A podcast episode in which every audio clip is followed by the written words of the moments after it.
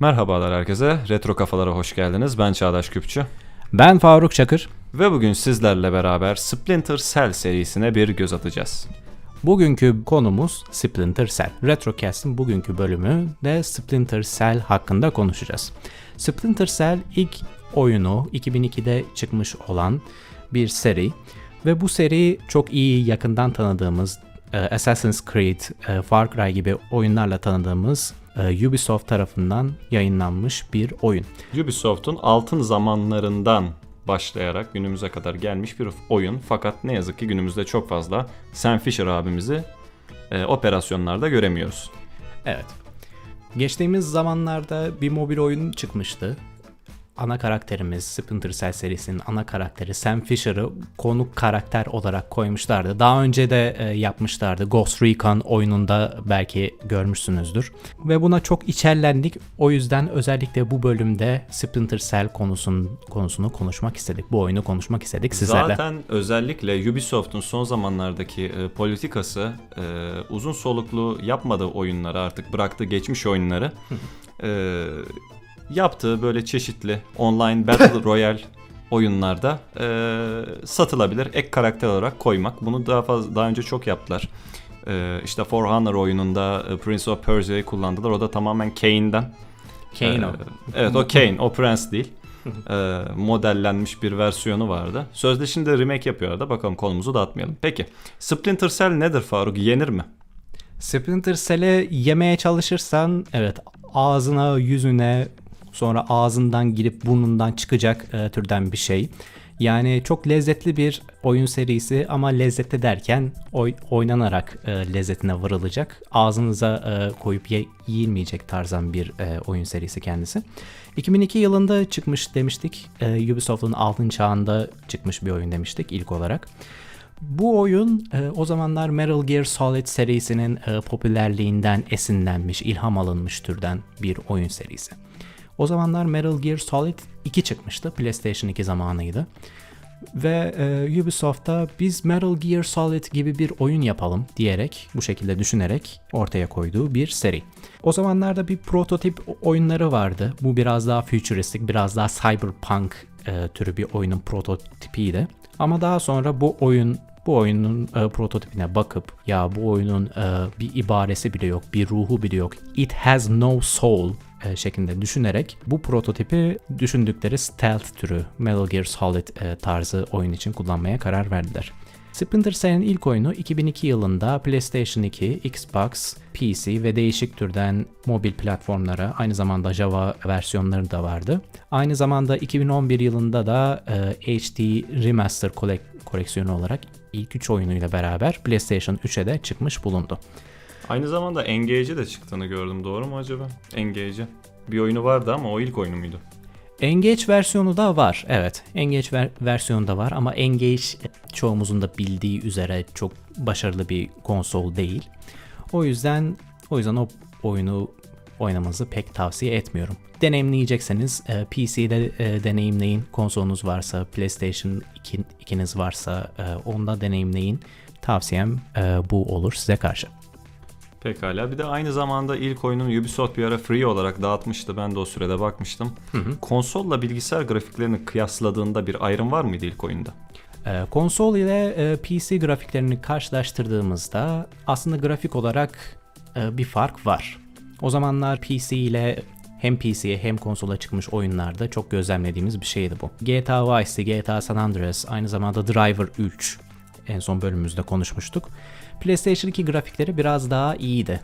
Splinter Cell e, konusunda çok kesin bir şey söyleyemem. Herkesin göz zevki farklıdır ama PlayStation 2'nin grafikleri biraz daha iyi diyebilirim. Onun haricinde Splinter Cell oyunu Metal Gear Solid'den es- esinlenmiş bir oyun demiştim. Ama Metal Gear Solid'den farklı olarak başka bir kişiliği var. Biraz daha e, gerçekçi. Çok Japon kafasında değil evet. Biraz daha gerçekçi olmayı amaçlamış. İşte e, biraz daha ciddi konuşmalara, e, diyaloglara sahip olmuş. Yine e, kendi içerisinde esprileri var. Sizi sizi olduğunuz yerde güldürecek e, diyalogları var. Ama Metal Gear, Metal Gear Solid kadar üst seviyeye çıkmış bir seri değil.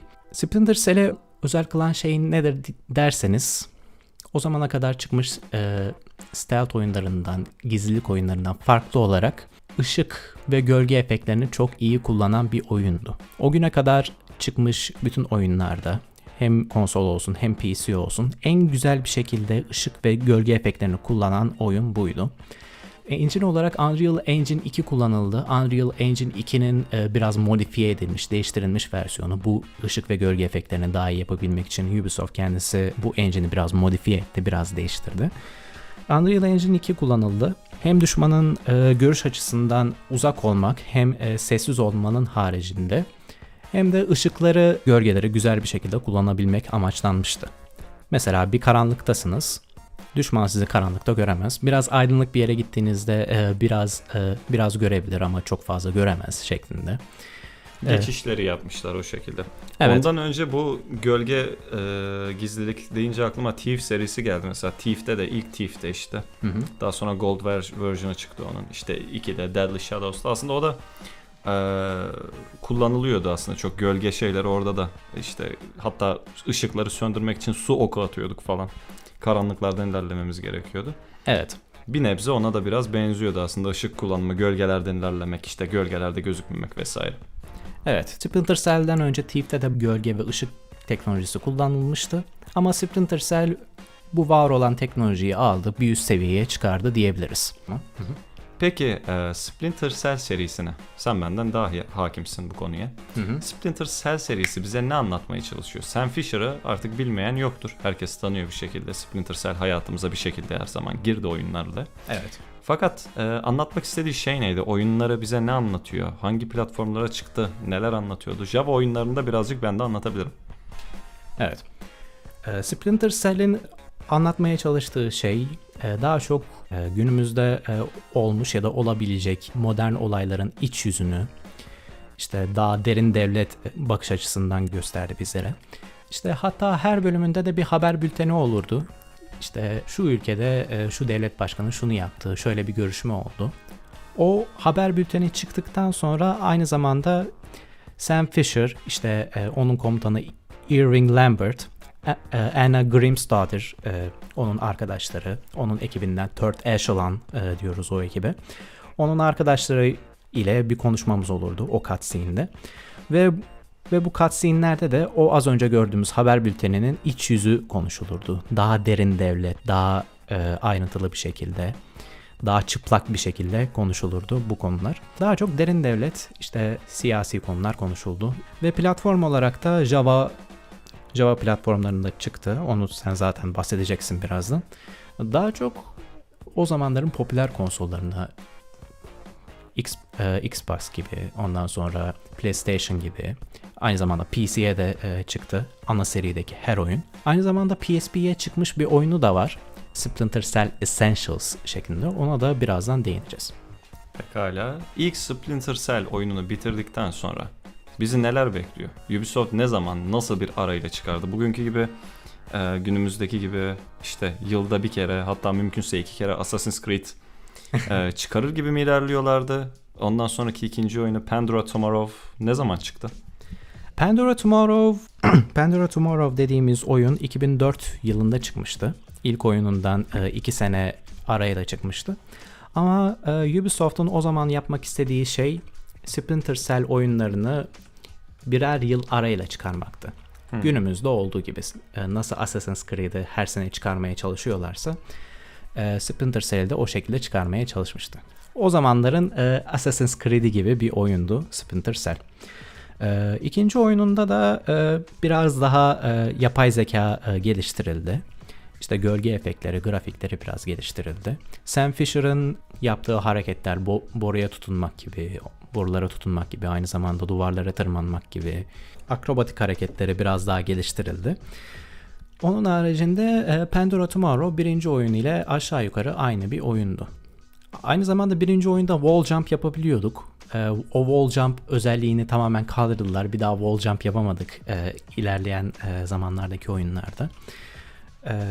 Onun haricinde Irving Lambert, Sam Fisher'ın komutanı, commanding officer'ı, onun voice actor'ı, seslendiren kişisi değişti. Sadece o oyun için. Ondan sonra eski seslendiren kişisi, voice actor'ı geri geldi. Onun haricinde Pan- Pandora Tomorrow e, aynı oyundu. Yani Assassin's Creed 2 ile Brotherhood arasında nasıl bir fark varsa o öyle bir fark vardı diyebilirim. Pekala. Daha sonra Pandora Tomorrow'dan sonra üçüncü oyunumuz Chaos Theory. Chaos Theory çıktı. Ara ne zaman çıktı? Nasıl çıktı o da? Chaos Theory ise e, ilk iki oyunun üzerine bayağı e, bir şey ekleyen bir oyun. Engine falan değişti sanırım o oyunda. Değişti mi? Aynı mı kaldı? Aynı kaldı ama engine'i biraz daha geliştirdiler diyebilirim. Yine Unreal Engine 2 kullandılar e, bu oyunda da. Ama var olan her şeyin Splinter Cell'e Splinter Cell yapan her şeyin üzerine kat kat eklemeler yaptılar. Mesela gölge efektleri e, biraz daha ayrıntılı oldu. Normalde de e, oyun oynadığımızda göstergede bir gölge e, ve ışık göstergesi olurdu. İşte karanlık bir yere gittiğimizde karanlıkta olduğumuzu gösteren bir işaret, ışıklı bir ortamda olduğumuzu, ışıklı, aydınlık bir ortamda olduğumuzu gösteren bir işaret olurdu. Onu biraz daha ayrıntılı yaptılar. Aynı zamanda bir gürültü göstergesi yaptılar. Mesela çok gürültülü bir ortama girdiğimizde bir fabrika gibi. Fabrikanın ne kadar gürültülü olduğunu bize gösteriyordu. Ve o fabrikadaki gürültüyle eş değer bir gürültü yaparsak etrafımızdaki insanlar bizi duyamıyordu. Düşmanlar bizi duyamıyordu. Ama çok sessiz bir yerde atıyorum. Yürüsek bile ayak sesinden duyabiliyorlar gibi bir şey. Aynı zamanda gürültüyü kullanarak da şey, gürültü zaten var. Hani daha böyle e, aksiyona girebilecek ufak da olsa şeyler yapılıyor ve fark edilmiyor gibi. Evet mesela fabrikada bir shotgun kullandığınızda e, o gürültülü fabrikada muhtemelen duymaz. O fabrikanın sesi shotgun'ı bastırır. Ama onu normal bir yerde bir deniz kenarında kullanmanızı tavsiye etmiyor oyun. Mantığı güzelmiş. Peki uygulaması güzel miydi oyunda?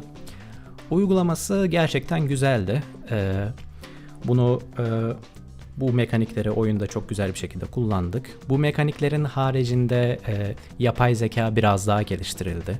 Mesela eski oyunda biraz lineer bir şekilde ilerliyordu oyun. Ona birazdan da geleceğim lineerlik konusuna. Ee, düşmanları e, düşmanları öldürürseniz onların e, cesetlerini e, bir yerlere, gölgelere saklamanız gerekiyordu. Ve bir sonraki e, bölgeye geldiğinizde oyun bir önceki bölgeyi bir tarıyordu. Açıkta, e, ışıkta düşman cesedi var mı diye. Varsa alarm çalıyordu. Ama burada Chaos Theory'de yapay zekayı biraz daha geliştirdiler. Yani alarm şu şekilde çalıyor. Eğer düşmanlar e, cesedi bulursa ancak o zaman alarmın yanına geliyorlardı. Alarm çalıyordu. Onun haricinde oyunun bölümleri biraz daha gelişti. Eski oyunlar biraz lineerdi ama yine de bölüm e, bölümleri farklı şekillerde geçebiliyorduk. Farklı yollardan gidebiliyorduk. Burada tamamen açık uçlu bölümler var. Mesela bir bina var. O binaya nasıl gireceğiniz size kalmış. Yani binanın tek bir girişi yok. Oradan ilerlemek zorundasınız. Ama ilerlediğinizde sağa dönersiniz, sola dönersiniz gibi bir şey yok. İstiyorsanız çatıdan girebilirsiniz. İstiyorsanız duvara tırmanıp pencereden girebilirsiniz. Bodrumdan girebilirsiniz ya da ön kapıdan girebilirsiniz kendinize çok güveniyorsanız eğer. Böyle geliştirmeleri de vardı Chaos Theory'nin. A- aynı zamanda hem lethal hem non-lethal olarak ilerleyebiliyordunuz. Bir de Chaos Theory hala serinin e, birçok fanı tarafından en güzel oyunu olduğu söylenir. Ve oynadığınızda da gerçekten görüyorsunuz bunu.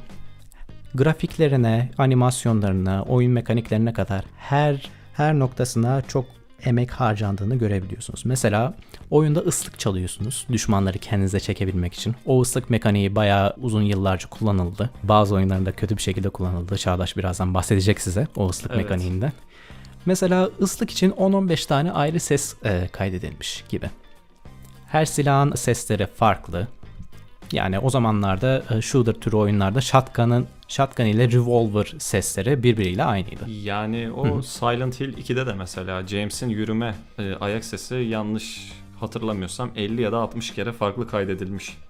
Sadece yürüyüş sesi. Evet. Aynı dikkati, aynı özeni Splinter Cell e, Chaos Theory'de de görebiliyoruz. Ve, ve genel olarak her şeyle serinin en güzel oyunu Chaos Theory'ydi. Birçok fanı tarafından bu şekilde kabul edilir.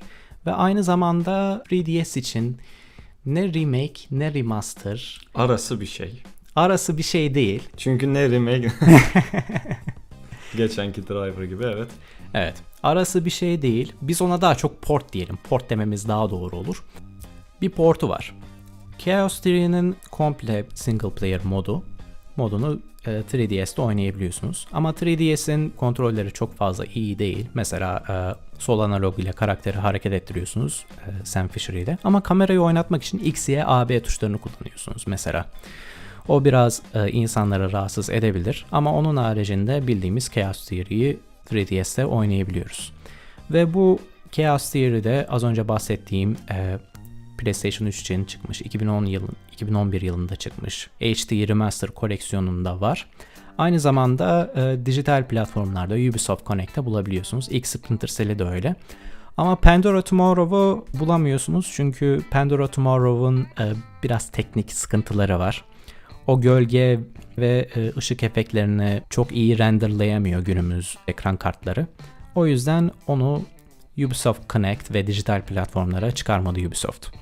Ama eliniz ama elinizde kutulu versiyonu varsa ya da bir yerde kutulu versiyonunu bulabilirseniz e, fanlarının yaptığı bir patch var. E, o patch'i yükleyerek e, sorunsuz bir şekilde de oynayabilirsiniz. Evet, Call of kutulu diyoruz. Peki e, ondan sonra ne geldi? Ben oynadığım oyunlara biraz geleceğim tabii. Conviction'a ve e, Blacklist'e de geleceğim. E, ondan sonra gelen oyun neydi? Ondan sonra gelen oyun Double Agent. Ha, Double Agent'ı. Ben bunu V'de oynamıştım. Hı hı. E, işin açıkçası V için çok e, çakma kontrolleri vardı. Yani PlayStation artık iki versiyondan mı port ettiler direkt V'ye? Tam hatırlamıyorum. Muhtemelen öyle olmuştur. E, dolayısıyla PlayStation 2 kontrollerinin nimetlerinden yararlanamıyorduk V'de. Hani V'de çok özgün aslında kontroller yapılabilecek bir platform. Hani oynadığımız daha önceki oyunlarda işte PlayStation'dan port edilmiş farklı versiyonları oynadığımızda çok ciddi e, özgün kontroller eklenebiliyordu mesela işte Need for Speed'in e, o zamanki oyunu neydi? Undercover. Un, under neydi? Undercover çıkmıştı olsa. Aynen evet. Undercover oyunu mesela. Onu oynarken o da tamamen Driver'a benzer bir oyundu aslında. Onu da konuşmak lazım bir ara. Evet. Driver'da unuttuk konuşmayı. Mesela onun için Wii versiyonda yaklaşık 4-5 tane kontrol şeması destekliyordu oyun ve PlayStation 2 portu olmasına rağmen yani oradaki o oyunun port edilmiş hali olmasına rağmen gayet özgün kontroller içeriyordu. Fakat burada Splinter Cell Double Agent'ta e, zaten iki farklı versiyonu var. Sen de bahsedersin onu. O iki farklı versiyon e, kimisinin hikayesi, kimisinin grafiği. Evet. Ben tam olarak onu bilmiyorum. Yani PlayStation 2 versiyonun portu olduğunu biliyorum ama kontrolleri gerçekten rezaletti. Yani kontrollerini yapabilmek e, bayağı illallah ettiriyordu. Yani orada işte Sam Fisher akrobatik hareketleri yaparken falan e, sanki siz de yapıyormuş gibi hissediyordunuz yani mental olarak o hareketleri. Biraz kontrolleri ağırdı o konuda. Zordu. Ama onun dışında hikayesi güzeldi Splinter Cell'in zaten. E, Double Agent'ın ki onun bir de Java oyunu çıktı. Double Agent Java oyunu. Onu da telefonlarımızda oynamıştık. Tuşlu telefonlarımızda işte K310'lerde vesaire. Java oyunu da oldukça eğlenceliydi. Orada sanıyorum iki taraf arasında yaptığınız ahlaki seçimler e, sizi etkiliyordu. Yani hem teröristlerle çalışıyordu orada orada onlara çalışırken bir yandan da ajanlık yapıyor fakat e, ikilemlerde kaldığı durumlar oluyordu. İşte şu bir adamı öldüreyim mi öldürmeyeyim mi? Öldürmezseniz işte aranız bozuluyordu oradaki şeylerle. Öldürürseniz işte e, başka tarafla aranız bozuluyor falan. Böyle dengede tutmaya çalışıyordunuz kendinizi. İyi mekanikleri vardı. Faruk size biraz daha anlatsın onu. Aynı zamanda şöyle de diyebilirim bu Double Agent oynamak istiyorsanız günümüzde Xbox'ınız varsa yine bahsetmiştim backwards compatibility ile e, hem orijinal Xbox'a çıkan yani bizim PlayStation 2 versiyonu dediğimiz o e, versiyonu ya da Xbox bir sonrakine mi çıkmıştı o? 360'a mı çıkmıştı? 360'a 360'a çıkan Double Agent versiyonu arasında backwards compatibility var. Yani isterseniz direkt şu an Microsoft Store mağazasına girip iki farklı versiyonunda aynı oyunun iki farklı versiyonunda konsolda deneyimlemeniz mümkün. Evet. Ee, onun haricinde iki versiyonu var demiştik. Bu iki versiyonu hakkında biraz daha konuşmak istiyorum. Ee, version 1 1 yani version ve version 2 iki e, şeklinde iki tane versiyonu var. Version 1 dediği şey, kastettiği şey e, o zamanların 7. nesil konsolları için çıkmış. Yani PlayStation 3 ve Xbox 360 konsolları için çıkmış versiyonu. Aynı zamanda PC versiyonunda bu versiyonlardan baz alınarak çıkmış bir versiyonu. Version 2 dedikleri ise 6. nesil yani PlayStation 2 ve orijinal Xbox versiyonları oluyor. Ve bu versiyonlar arasında farklar var. Yani ikisi de aynı hikayeyi anlatıyor. İşte Sam Fisher bir görevde. Bu görevde bir partneri var. O part, partnerini, e, partneri e, görevde ölüyor. E, ondan sonra evine döndüğünde Irving Lambert, onun commanding officer'ı, komutanı, işte Sam, Sam Fisher'ın bir yakınının öldüğünü söylüyor. Sam Fisher da e, bu olaydan sonra kendini toparlayamıyor. E, görevine devam edemeyecek hale geliyor. Ondan sonra da Irving Lambert başka e, bir görev veriyor ona.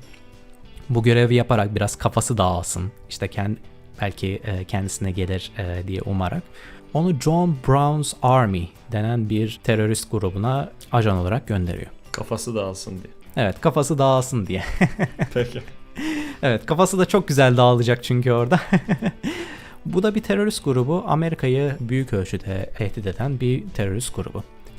O terörist grubuna bir üye olarak sızıp bir double agent olarak yani hem o örgütün e, güvenini hem de törde yaşanan o normal üye olduğu ö- örgüt, casusluk örgütü. Onun güvenini kazanarak ilerlemeye çalışıyorsunuz ve Çağdaş'ın da söylediği gibi moral choice'lar var.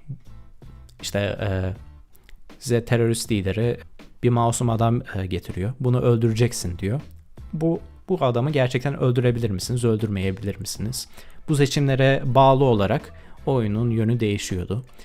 Yönüne göre aldığınız görevler, bölümler değişiyordu ve farklı sonları var aynı zamanda oyunun.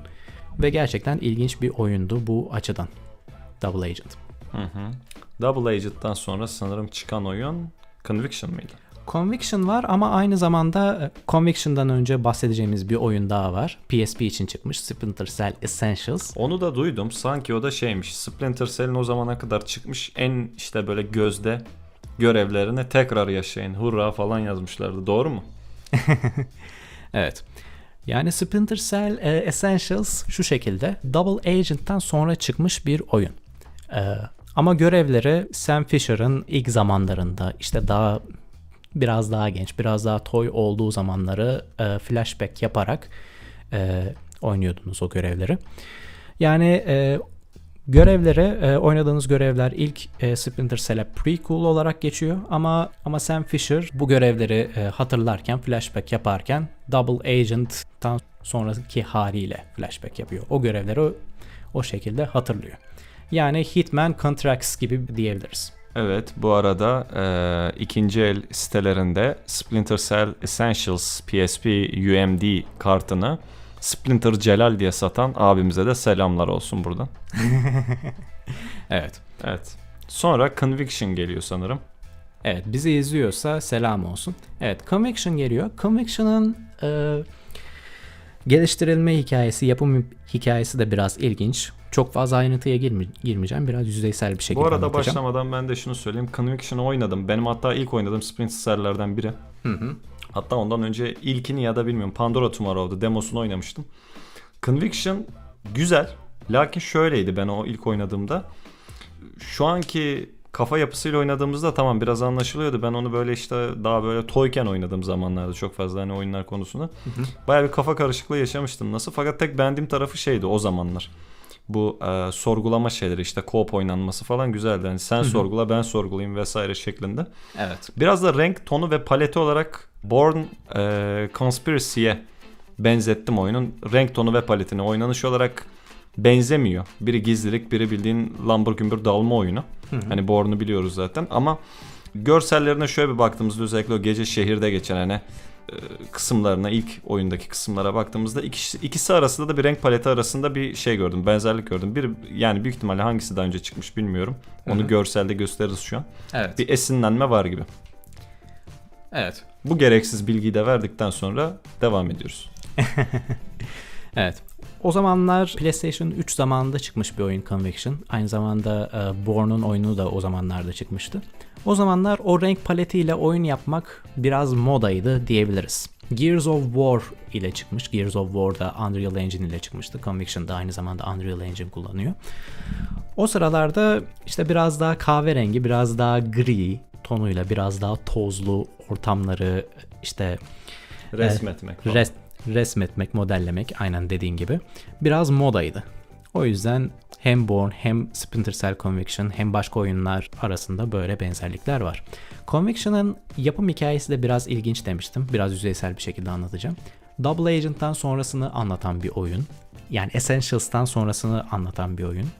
e, Essentials'tan da sonrasını. Bu oyunda e, Sam Fisher abimiz kendi adamı olan Third Echelon ile bütün bağlarını kesmiş. Kimseden e, kimseden emir, kimseden haber almayıp kendi kendine bir şeyleri başarmaya çalışan bir e, karakter haline gelmişti. Bu konsept ile ilerlemek istediler.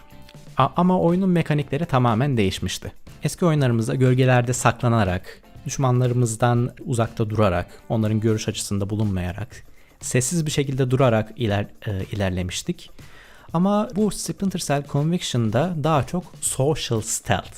Yani insanların arasında karışmak, işte Assassin's Creed'deki gibi işte insanların arasında karışarak ilerlemek biraz daha odak noktasıydı. Ve bu oyunun demosu E3'te yayınlandığında insanlar gerçekten çok şaşırmıştı. Splinter Cell gerçekten böyle bir oyun haline mi gelecek acaba diye endişeler olmuştu. Yani işin açıkçası burada bir araya giriyorum. Hitman Absolution'da da aynı bir olay olmuştu. Evet. Yok işte Hitman Absolution böyle bir hale mi gelecek falan dedi insanlar. Evet. Yani o çok olan bir şey aslında. Yani oyun serilerinde, uzun soluklu oyun serilerinde hep bir şey vardır. Örneklerinde bunu gördük yani işte.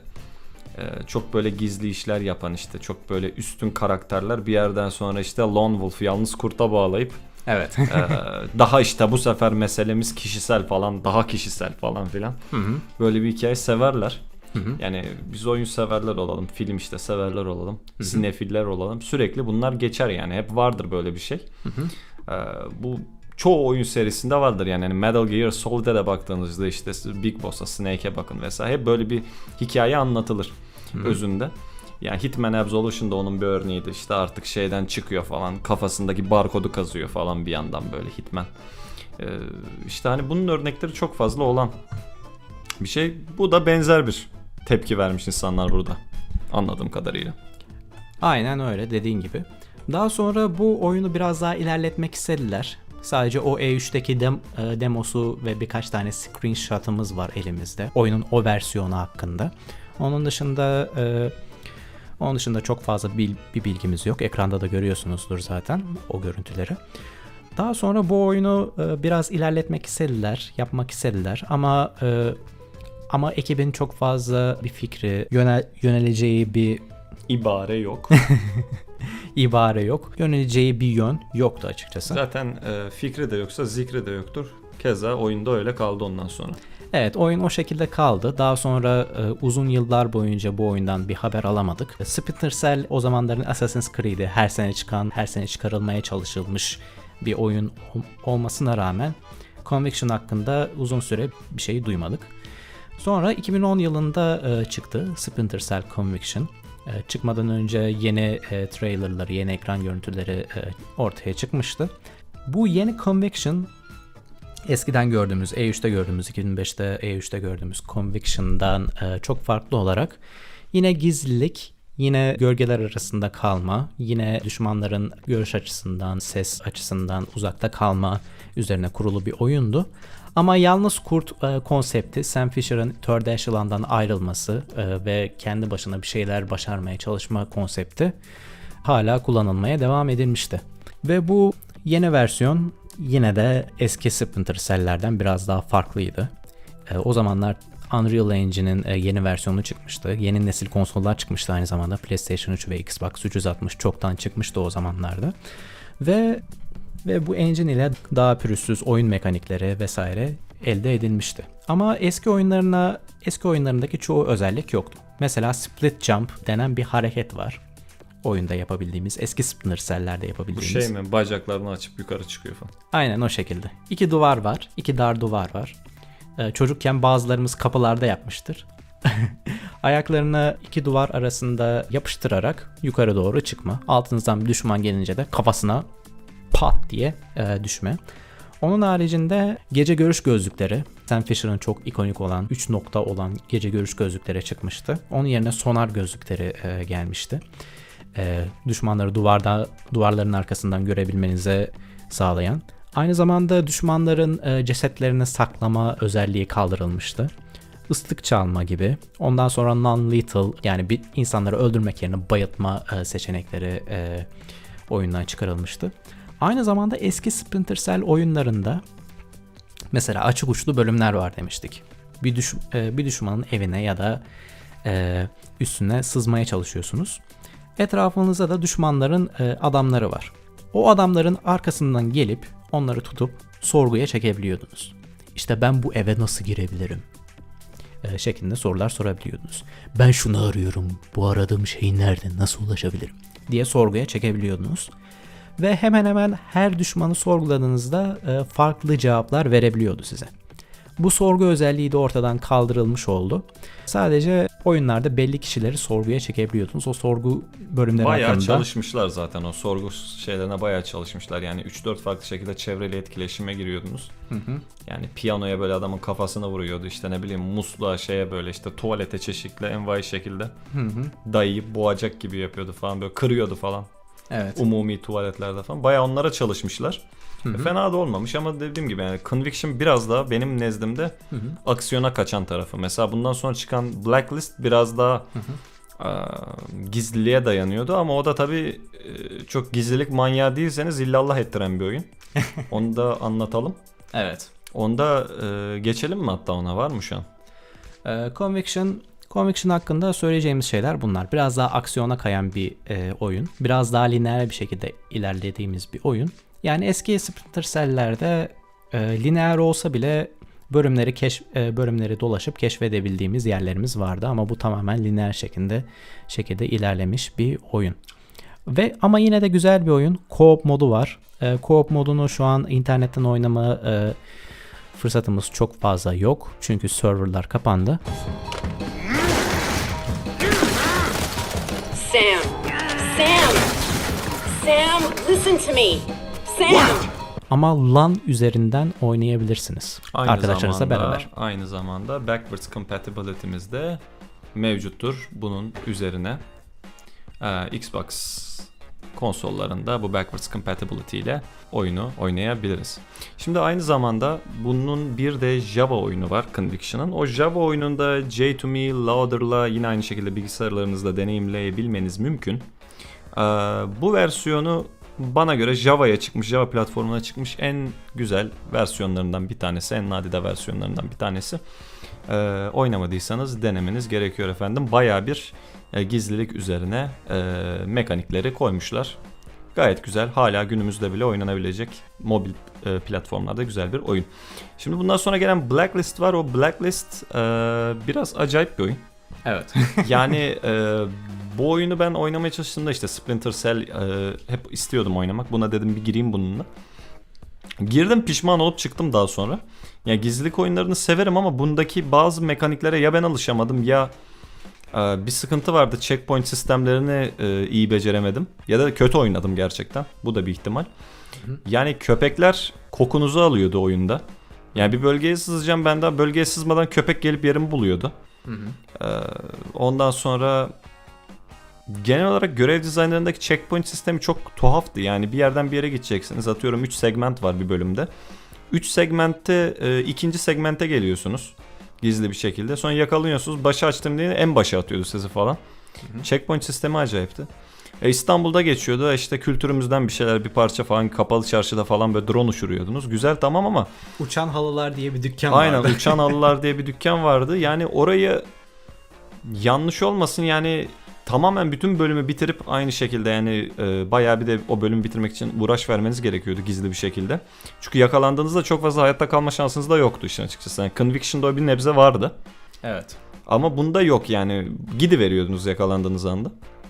Bir de böyle berserker tarzı adamlar vardı böyle zırhlı falan. Onları e, gördüğünüzde neredeyse hiç hayatta kalma şansınız yok. Yani şöyle saçma şeyler oluyordu. Hani ben bir bölgedeki gizli ilerliyorum, bütün adamları alıyorum. Tam böyle geleceğim. Son bir kişi kalmış. Checkpoint onu alayım diyorum. Kapıyı açacağım. Adam içeriden çıkıyor falan böyle hani. Ee, durduk yerde bir saat oynadığım oyunu adam kapıyı açacağım kapının içinden çıktı diye mesela öldü adam. Baştan oynamak zorunda kaldım. Dediğim gibi checkpoint sistemi de çok iyi değildi. Ee, ve ciddi açıdan zordu oyun gerçekten yani. Ben bunu hani stealth oyunları genel olarak oynayan birisi olarak söylüyorum ki ciddi anlamda zor bir oyun. Faruk da size anlatacaktır hikayesini ve şeyini. Fakat bana göre bilmiyorum doğru muyum? Splinter Cell serisi içerisinde en zor oyun diyebilirim ben buna. Bilmiyorum yani sen ne diyorsun? Blacklist Zor bir oyun gerçekten. Yani kolay ayarda açmama rağmen hani ortada açtım kolaya çektim hala zordu oyun. Bilmiyorum sana da öyle geldi mi? Ee, Blacklist e, serinin en zor oyunu değil. Sadece zorluğu yani challenging, e, gayret gerektiren yani e, bir gayret gerektiriyorsunuz sonra bir karşılığını alıyorsunuz türünden bir zorluk değildi. Sinir bozucu anlamda zordu. Evet yani sinirim baya bozuldu ben. Zorluk konusunda böyle bir sorunu vardı Blacklist'in. Ama en zor oyunu bu mudur dersek değil. Yani Chaos Theory biraz daha zor bir oyun. Ama Chaos Theory'de bu saydığın sorunlar yok. Aynı zamanda istediğin yerde save yapabilme gibi bir özelliğin var. Yani e, yanlış bir hareket yaptığında az önce 2 dakika önce yaptığın save'i açıp devam edebiliyordun. O yüzden o yüzden çok da sinir bozucu bir zorluğu yoktu Chaos Theory'nin ve eski oyunların aynı zamanda. Ee, Blacklist hakkında konuşmak istersek bu zorluğunun harici, haricinde Blacklist Conviction'la gelen eleştiriler üzerine Conviction serinin köklerinden uzaklaşıyor. Bu seriye ne oluyor gibi e, eleştirilerin üzerine biraz daha köklerine dönmeye çalışmış bir oyun. Sam Fisher Third Echelon'dan ayrılıp en son oyunda Conviction'da yalnız kurt olarak e, hayatına devam ediyordu. Conviction'dan sonra da Third Echelon tamamen Amerikan başkanının emriyle feshediliyordu. Ama daha sonra The Engineers adında yeni bir terör örgütü çıktı. Bu terör örgütü Liste falan yayınlıyorlardı benim hatırladığım işte şu kadar kişiyi biz öldüreceğiz falan filan diye böyle. Ee, evet.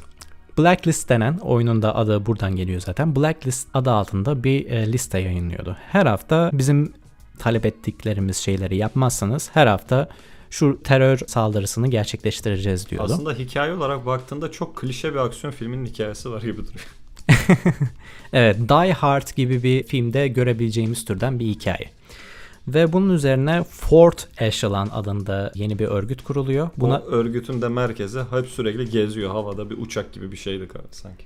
Evet, e, merkezi bir uçak. Sürekli gökyüzündesiniz. Gökyüzünde görevlerinizi seçiyorsunuz. e, görevlerinizi planlıyorsunuz. Arkadaşlarınızla konuşabiliyorsunuz aynı zamanda. Anna Grimsdottir e, aynı zamanda var. Isaac Briggs diye yeni bir karakteriniz var. Aynı zamanda Charlie diye bir e, karakteriniz var. Bu karakterlerle, bu arkadaşlarınızla beraber bu Blacklist'i durdurmaya çalışıyorsunuz. Biraz daha köklerine dönmüş bir oyun ama kusurları da var aynı zamanda. Ben mesela şunu tam anlayamadım. O oyunda bir ıslık mekaniği var. Az önce de bahsedeceğiz demiştik. Evet. Yani oyun içerisinde bir bölgedesin diyelim adamı çekmen gerekiyor ıslık öttürüyorsun. Adamların senin ıslığına verecekleri tepki tamamen random. Yani ne tepki verecekleri belli değil. Şimdi bakıyorum adamın birini çekmem lazım ıslık öttürüyorum geliyor. Okey. Yakalandım mesela checkpoint var baştan açtım oraya. Şimdi yine aynı oynanışımı yapıyorum. Ç- ıslık öttürüyorum adam diyor işte orada deyip sıkmaya başlıyor mesela. Hani adamların senin ıslık öttürmene bile verecekleri tepki yani adamlar hani o konuda saf değil. Tamam belki normal zamanda da bir ıslık öttürse böyle ne oluyor falan deyip silah diker gidersin. Evet. Hani onu da şey yapmışlar ama zaten oyun e, challenging bir oyun olduğu için iyicene bir challenging katmış oyunun içine. Şey yapamıyorsunuz yani tam e, size düşmanların ne tepki vereceğini kestiremiyorsunuz. Öyle olduğunda işler biraz daha zorlaşıyor. Yani hani ıslık öttüreceğim ama öttürsem mi öttürmesem mi şeklinde böyle bayağı bir sizi ikilemde de bırakıyor oyun. Yani yakalanma ihtimaliniz de var olayın sonunda. Evet. Yakalandığınızda zaten hayatta kalma şansınız yok. Bir e, reinforcements are coming şeklinde bir yazı çıkıyor. Ondan sonra cümbüş babam 25 tanesini yolluyor zaten. bir de onun oyunun şeyleri var. E, bir adam vardı. Kimdi ondan görev alıyordun. Andrew Cobbin mi? Cobbin aynen. Ondan e. Conviction'da da vardı o. Evet. Ondan görevler alıyorsun. Yani onun bir görevleri vardı sanırım ondan mı alıyordun başka birisinden mi alıyordun? Böyle işte e, 25 dakikalık 30 dakikalık görevler işte 5 dakika 6 dakika boyunca işte gelen e, bir şey alıyorsun mesela bir şey secure ediyorsun saklıyorsun. İşte o 25 dakika içerisinde 5'er dakikalık şeylerle düşmanlar salıyor alana sen saklanacaksın onlardan falan. Evet. Doğru. Yani özellikle o saklanma kısımları tamamen cümbüş. İnternette forumları okuyordum işte. Biz sadece bunun için oynuyoruz bu oyunu falan diyordu insanlar. Çok güzel yapmışlar. Sadece işte her oyunda keşke böyle bir şey olsa. Çok güzel, challenging falan diyorlar da. Yani nerede saklanırsan saklan yani zaten köpekler illa buluyor seni. Kokuna geliyorlar. Doğru. E biri yakalayınca zaten çatışmaya girebilecek şeyin yok. Hani çatışmaya girsen şey oluyor. Alıyorlar seni zaten. Evet. Ee, o yüzden gerçekten oyunun bence en zor kısımları orasıydı. Bilmiyorum sen de haklı mısın? Ee, haklı mısın ne? Sen de bu konuda bana hak veriyor musun? Ee, en challenging kısımları oralarıydı benim için. Ee, senin bu konuda diyeceğin bir şey var mı? Sen bitirebildin mi orada komple bütün wave'leri, dalgaları? Ben büyük ihtimalle ikinci wave'de zaten tıkandım. Evet. Yani her 5 wave'de bir e, görevden çıkma e, şansın vardı. Görevi bitirmiş sayıp e, seni dışarı çıkarıyordu. Bütün wave'leri e, baştan sona yapamadım çünkü 5 wave'i yapmam zaten 2 saat falan sürmüştü. Fazla uzun sürüyordu yani gerçekten bunu abartmıyorum. Yani bu oyunu oynarsanız gerçekten ciddi anlamda vaktinizin ve e, sabrınızın olması gerekiyor. Evet. Conviction'da bu yok mesela. Conviction daha casual bir şekilde oynanıp bitirebilecek bir oyun. Evet. Baştan sona otursanız hikaye modunu 10 saatte bitirirsiniz. Conviction öyle. Evet. Yani bunda biraz zorlar. Hani 10 saat yine oynarsınız ama 10 saatte bayağı bir e, yaşlanmış olarak çıkarsınız yani. Evet. Blacklist'te yani o şekilde Ha, güzel şekilde. oyun mu? Güzel oyun. Onun için bir şey demiyorum. Güzel. Hani gizliliği gerçekten seviyorsanız ve tamamen challenge arıyorsanız gerçekten güzel oyun. Evet. Ama hani eliniz alışık değilse bayağı zor bir oyun. Gizlilik seven bir insansanız Blacklist'i de size tavsiye edebiliriz. Bu kusurları da e, göz önünde bulunduracak olursanız. Ve sonra ne oldu? Splinter Cell diye bir şey de kalmadı. Bitti. Bir daha da çıkarmıyorlar. İşte Evet. çeşitli MOBA oyunlara gidip karakter skin olarak satıyorlar Sam Fisher'ı. Evet maalesef. Ee, şu an sanıyorum Splinter Cell ile ilgili konuşacaklarımız bunlar. Var mı başka? Başka dediğin gibi mobil oyunlara skin olarak geldi Sam Fisher karakteri. Aynı zamanda Ghost Recon Wildlands'e DLC olarak bir görev gelmişti. O görevde de Sam Fisher'ı görebiliyorduk. Aynı zamanda bir cutscene vardı. Metal Gear bildiğimiz üzere şu an bitmiş bir seri. Yani e, akıbeti belli olmayan bir seri. O serinin akıbeti belli olmayan bir seri haline gelmesine gönderme olarak da bir cutscene vardı aynı zamanda. Ama Aynı evrende geçiyormuş gibi işte bandanalı bir adam varmış o emekli olmadı mı falan diyordu böyle Sam Fisher. O sesiyle. Evet. Ve Blacklist'te de normal Sam Fisher'ı seslendiren oyuncu Michael Ironside yerine Eric Eric bir şeydi tam hatırlamıyorum. O seslendirmişti Sam Fisher'ı. Daha sonra Ghost Recon Wildlands'taki bu görevde de Michael Ironside geri gelmişti. Ben aslında hiç gelmedim Sam Fisher benim diye bir açıklama yaptı aynı zamanda. Ama ondan sonra da Splinter Cell oyunu olarak pek bir haber ya da e, bir şey duymadık maalesef unutulmuş bir seri olarak kaldı Ubisoft oyunları arasında. Pekala bu retrocast'imizde sizlerle beraber Splinter Cell serisine bir inceledik. Oyunları üzerine konuştuk, tartıştık. Dediğimiz gibi retro, kıyıda köşede kalmış şeyleri bize yazarak bize bildirebilirsiniz. Şunları inceleyelim, bu oyunlar olsun, şu video olsun, şu film olsun. İşte VHS kasetler olur eski, aa, müzikler olur, CD'ler olur, albümler olur. Yani oyun dışında biz teknik olarak oyunlarla başladık. Ee, Biraz gamer olarak. Evet. Retro oyunlarla başladık. Retrocast'imizde oyunlar üzerinde ilerleyeceğiz. Fakat farklı programları da kanalımızda uygulayacağız, yapacağız. Farklı programları kanalımızda bulabilirsiniz. Eğer beğendiyseniz videoyu like atmayı ve kanalımıza abone olmayı unutmayın diyoruz. Biz de diyelim. Herkes söylüyor. Evet. Onun dışında Adet yerini bulsun değil mi? adet yerini bulsun. Splinter Cell'in ne olduğunu, yenip yenmediğini bugün öğrendik. Yen, yenmiyor yani ağzınıza sokup çiğnemeye çalışmayın. Güzel şeyler e, başınıza gelmez. Onun yerine e, konsolunuz ya da bilgisayarınız varsa takın oynayın. Daha güzel bir deneyim yaşarsınız. Pekala teşekkür ederiz video izlediğiniz için. Ben Çağdaş Küpçü Ben Faruk Çakır. ve hepinize iyi günler diliyoruz. Bir sonraki Retrocast'imizde görüşmek üzere. Hoşçakalın. Soğuk işiniz!